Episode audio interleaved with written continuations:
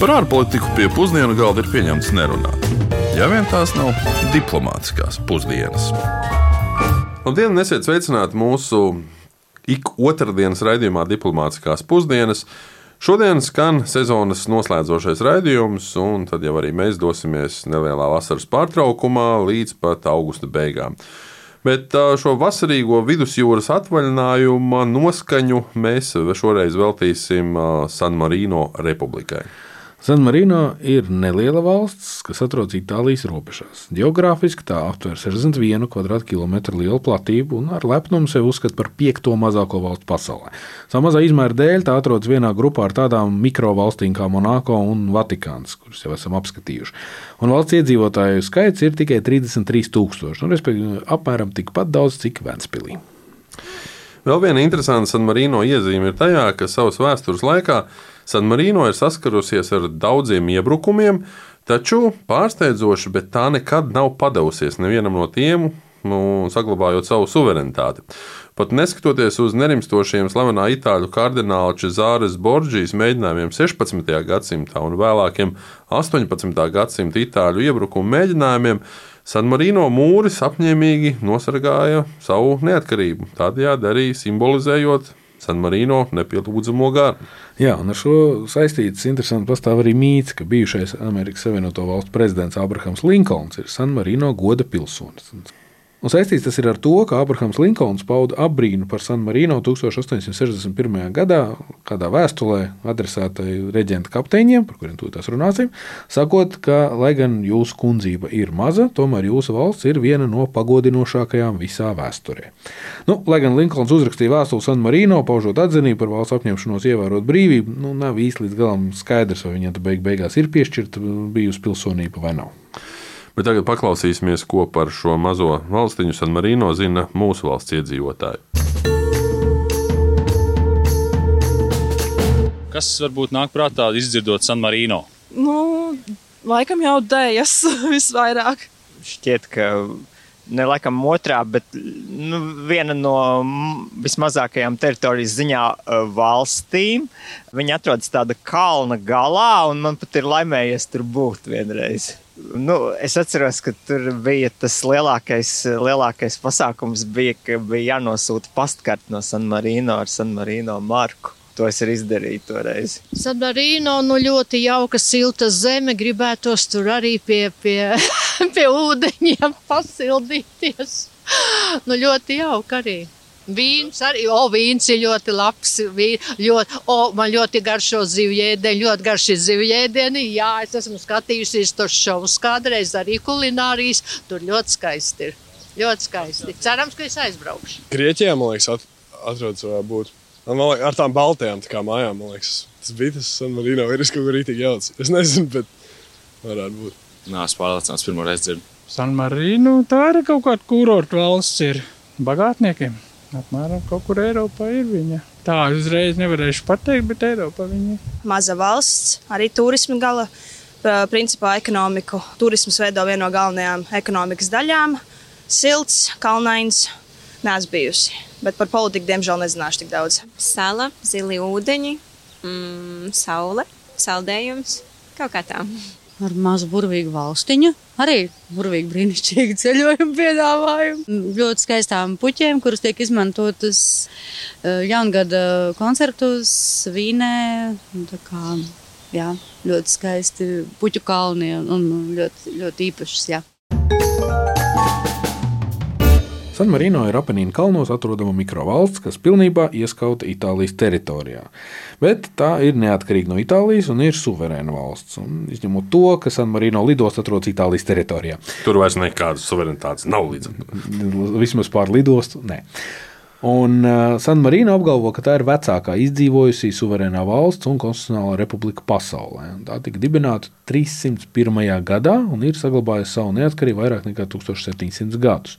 Un šī vēsturiskā nozīme padara tās politisko sistēmu un pārvaldības struktūru unikālu un ievērības cienīgu. Tādēļ, stāstot par valsts politisko sistēmu, gribētu sākt ar to, ka San Marino pastāv dubultā izpildvaras sistēma, kas nodrošina varas pārdali un kolektīvās pārvaldības pieeja. Valsti vada divi San Marino republikas valsts vadītāji, kurus sauc par kapteiņiem reģentiem. Parasti reģentus izvēlas no koalīcijas partijām, un viņa pilnvaru termiņš ir seši mēneši, nevis gadi kā pie mūsu pieņemts. Ievēl amatos viņus lielā un ģenerāla padome, kas ir valsts likumdošanas institūcija. Šī sistēma novērš varas koncentrēšanos viena individu rokās un arī veicina dažādu politisku uzskatu līdzsvarotu pārstāvību. Starp citu, divu valdības vadītāju prakse, diarhija, ir tieši atvasināta no Romas republikas paražām, kas līdzvērtīgi senās Romas konsuliem. Jāatzīmē, ka kapteiņa reģenti nav valdību vadītāji, bet tikai valstu vadītāji bez izpildu varas. Un paši reģenta kapteiņi darbojas gan kā valsts, gan kā valdību vadītāji, sadalot pienākumus un pieņemot lēmumus. Viņu Īstermiņa pilnvaras ļauj bieži rotēt vadību un neļauj nevienai personai iegūt pārmērīgu ietekmi. Šī vienošanās veicina sadarbību un vienprātības veidošanu starp reģentu kapteiņiem un nostiprina attiecīgi arī valsts demokrātiskos principus. Nu, papildus reprezentatīvai demokrātijai San Marino ir spēcīgas tiešās demokrātijas tradīcijas. Tas nozīmē, ka dažādi svarīgi lēmumi, piemēram, konstitūcijas grozījumi vai būtisks izmaiņas politikā, ir pakļauti tautas nobalsošanai. Iedzīvotājiem ir iespēja tieši piedalīties lēmumu pieņemšanas procesā, par šiem jautājumiem, balsojot un paužot savu viedokli. Nu, konkrētā praksa veicina pilsoniskās iesaistīšanās sajūtu un ļauj San Marino iedzīvotājiem tieši izteikties jautājumos, kas attiecīgi visbūtiskāk ietekmē viņu dzīvi. Tiešā demokrātija stiprina lēmumu pieņemšanas leģitimitāti un veicina caurskatāmību, un attiecīgi nodrošina to, ka svarīgi lēmumi saņem iedzīvotāju atbalstu. Un vēl kāda unikāla pieeja ir tajā, ka San Marino savā ārējās attiecībās ievēro neutralitāti un arī nepievienošanās politiku. Par spīti tam, ka San Marino nav Eiropas Savienības dalībvalsts, tai ir muitas savienība ar Eiropas Savienību, kas pieļauj brīvu preču kustību. Tomēr valstī nav saistoša Eiropas Savienības politika un arī noteikumi. San Marino nepievienošanās status atspoguļo arī tās apņemšanos saglabāt savu suverenitāti un neatkarību. Īstenojot neitrālu ārpolitiku, valsts izvairās pieskaņoties kādai noteiktai politiskai vai militārai aliansei un saglabā relatīvas objektivitātes, ja tā drīkst izteikties pozīciju globālajos jautājumos. Un šī nostāja ļauj San Marino iesaistīties diplomātiskās attiecībās ar dažādām valstīm, starptautiskām organizācijām, veidot attiecīgi veicinot savus intereses un vērtības, un vienlaicīgi paliekot ārpus formālām aliansēm vai blokiem. Un tādēļ vairāk par to, kādas mazām valstīm, tik mazām valstīm kā San Marino, ir šīs izdzīvošanas iespējas, kādas ir viņu kapacitātes uh, palikt neatkarīgām, nesoties uz to, ka viņas ir faktiski citas valsts ieskautas. To mēs jau aicājām mums pastāstīt doktoram Reinhardam Krūmam, Friedricha Eberta fonda Baltijas valstu biroja Rīgā vadītājiem.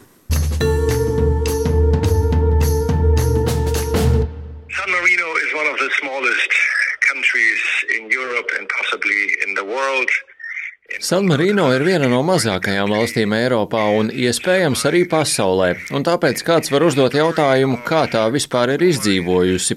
Un patiesībā tas ir stāsts par kompromisiem un veiksmi. Tā vietā, lai nodrošinātos ar spēcīgu armiju, San Marino darīja visu iespējamo, lai varbūtējais ienaidnieks neuzbruktu. Viņi runāja ar Napoleonu, viņi runāja ar pāvestu, viņi runāja ar Garibaldī, kurš 19. gadsimtā apvienoja Itāliju. Viņi sarunājās arī ar fašistu līderi Musolīni. Arī pēc otrā pasaules kara viņi turpināja būt neatkarīgi.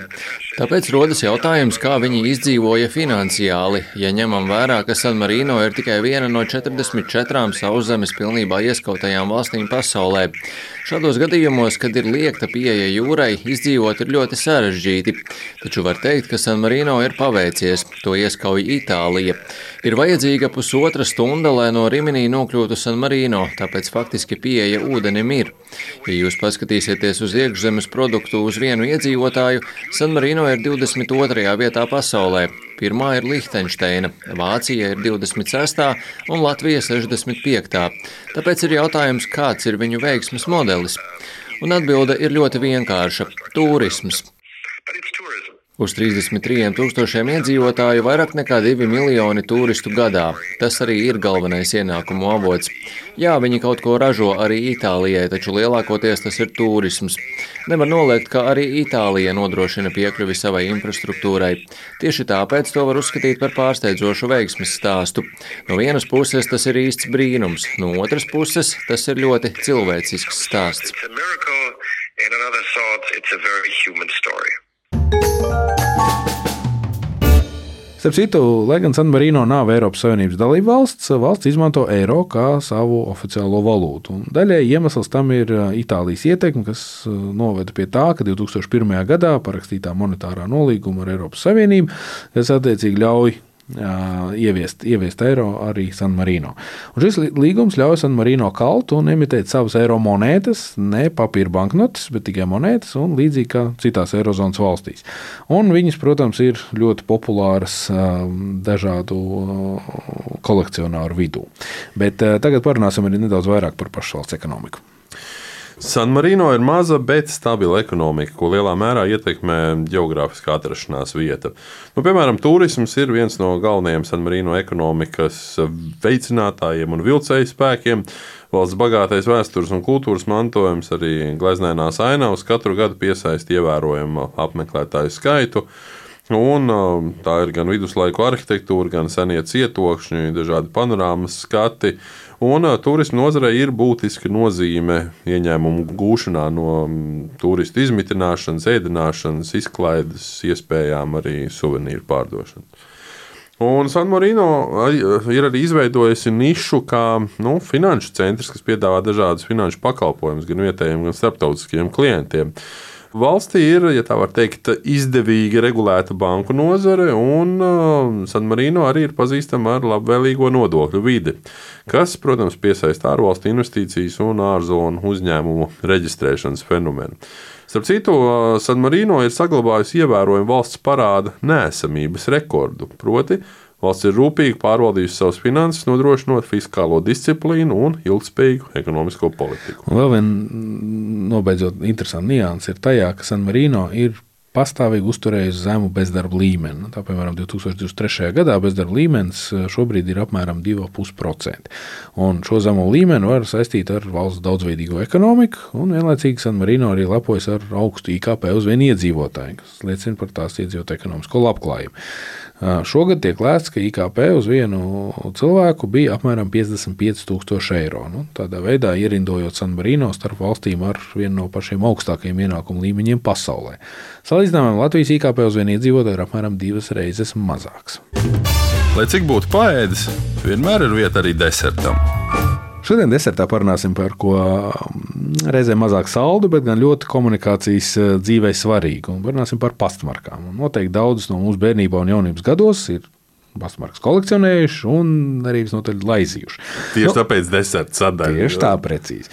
Un uh, varbūt daudzi nemaz nezinās, bet tieši San Marino ir viena no pasaulē visvecākajām pasta administrācijām. Pirmās oficiālās San Marino pastmarkas tika izdotas 1877. gadā, padarot to par vienu no pirmajām valstīm pasaulē, kas izlaida savas pastmarkas. Nu, kā jau varat iedomāties, tad San Marino pasmārkas bieži demonstrē valsts bagātīgo vēsturi un arī dažādus svarīgus notikumus. Nu, piemēram, slavenas personības, māksla, arhitektūra, daba, sports. Um, daudzām uh, San Marino pasmarkām ir attēlots arī vietējās un starptautiskās uh, slavenības. San Marino pasmarkās ir redzams tādas ievērojamas personas, kā jau iepriekš minētais Abrahams Linkolns, arī Kristofers Kolums, Leonardo da Vinci, Mahatma Gandijs. Nu, Papildus tam San Marino pastmarks bieži godina arī slavenas mākslas darbus. Slaveni mākslinieki, piemēram, Rafaela, Michelangelo, Botticelli, Caravaggio. Nu, tās visas gleznas ir reproducētas uz pastmarkām un ļaujot mākslas entuziastiem baudīt šos šedevrus tādā ekskluzīvā miniatūrā formā. San Marino arī regulāri emitē īpašas pasmarkas, lai pieminētu nozīmīgus notikumus, jubilejas un arī vēsturiskus pagrieziena punktus. Un, Šīm pasmarkām bieži ir unikāls dizains, tostarp sarežģīti gravējumi, reliefs, arī pat dārgmetāli, nu, piemēram, zelta un sudraba izmantošana. Un San Marino pasmarkām ir, kā jūs varat iedomāties, ļoti augsts pieprasījums arī filatēlistu vidū, nu, līdzīgi kā eiro monētām numizmātu vidū ierobežotās ražošanas apjoma ziņā, unikālā dizaina un vēsturiskās nozīmes dēļ San Marino pastmarka vērtības laika gaitā var tikai pieaugt. Un tā, piemēram, visdārgākā San Marino pastmarka, kas jebkad ir pārdota izsolē, bija pastmarka San Marino Airmail Overprints. Un šī pastmarka tika izdota 1922. gadā, un uz esošajām pastmarkām bija tāda virskārta, kas norāda uz to izmantošanu avio pastam.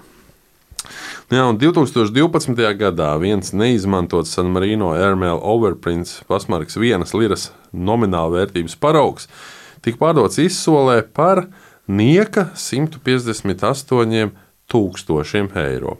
Un ar šo pienāca arī laiks noslēgt mūsu šodienas un arī šīs sezonas uh, raidījumu. Un tiekamies uh, pašā jau augusta beigās, kā minējām. Atgādināšu tikai, ka raidījums klausāms podkastos, kā arī Latvijas radio mājaslapā. Radījumu, kā vienmēr, veidoju es, dr. Kārls Bukovskis un mans kolēģis Uģis Lībijams. Bet palīdzēja veidot Aleksandru Palkovu un Ulris Tiespers. Uz sadzirdēšanos! Lai izdodas un lai visiem jauka atpūta vasarā! Diplomātiskās pusdienas katru otrdienu pusdienos Latvijas Radio 1.